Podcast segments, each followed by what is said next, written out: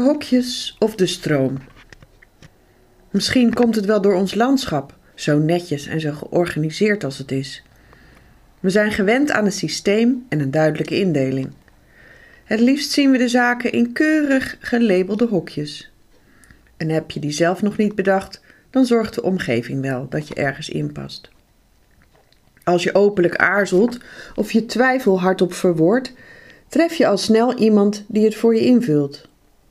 Als je toegeeft dat je iets niet weet, is er altijd wel een gesprekspartner die jou de oplossing biedt. Oh, dat ken ik. Of, oh, dat heb ik ook gehad. Of, dat is precies hetzelfde als bij.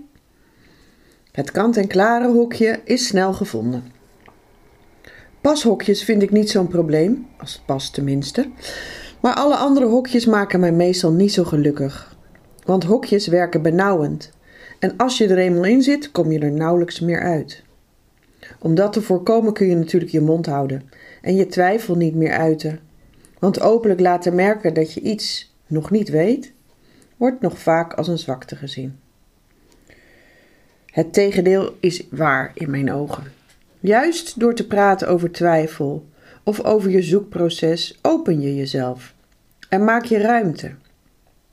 Niet voor de kant-en-klare oplossing van een ander en ook niet voor het best passende hokje. Nee, je maakt ruimte voor nieuwe mogelijkheden, voor een andere oplossing. De bestaande hokjes, die kennen we. En we hebben in de wereld ook gezien wat deze opleveren. Ze sluiten mensen buiten en creëren afscheiding. Ze zorgen dat je nooit helemaal kunt zijn wie je bent. Laten we elkaar en onszelf meer ruimte geven. Om dingen op een organische manier tot stand te laten komen. Om te wachten en te kijken of het stroomt. En waar naartoe dan? Geen afgebakende hokjes meer, geen meer keuzevragen met slechts drie antwoorden waar je je niet in herkent. Dat kan in eerste instantie wat chaotisch, twijfelachtig of onzeker ogen. Maar het is de chaos van waaruit we iets nieuws kunnen maken, iets dat echt past.